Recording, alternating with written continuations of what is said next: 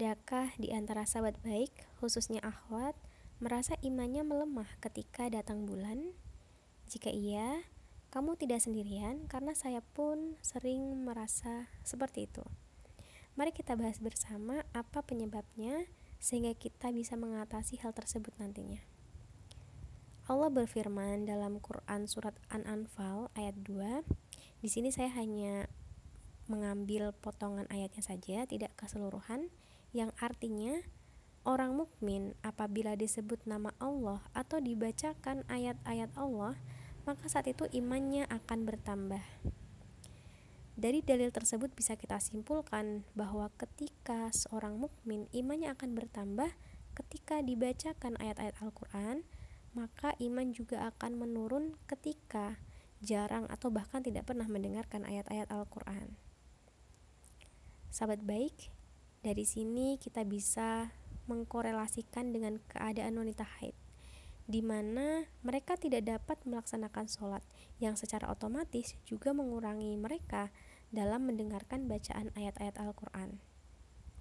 Nah, itu tadi penyebab yang pertama.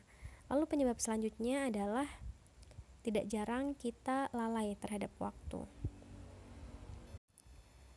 Saat masuk waktu sholat, kita berpikiran, oh ya udah saya kan lagi haid jadi saya nggak usah sholat. Sehingga kita mengabaikan waktu tersebut. Dan kita tidak berusaha melakukan amalan-amalan lain yang sebenarnya masih bisa kita lakukan di masa haid misalkan zikir baca Al-Quran dan sebagainya. Tak jarang juga kita malah condong untuk melakukan hal-hal yang sia-sia tidak bermanfaat atau bahkan terjerumus dalam kemaksiatan Sahabat baik, inilah yang menyebabkan iman menjadi melemah. Ada ulama yang mengatakan bahwa iman bisa bertambah karena ketaatan dan berkurang karena dosa dan maksiat. Itulah dua penyebab mengapa kadar iman seseorang menjadi turun.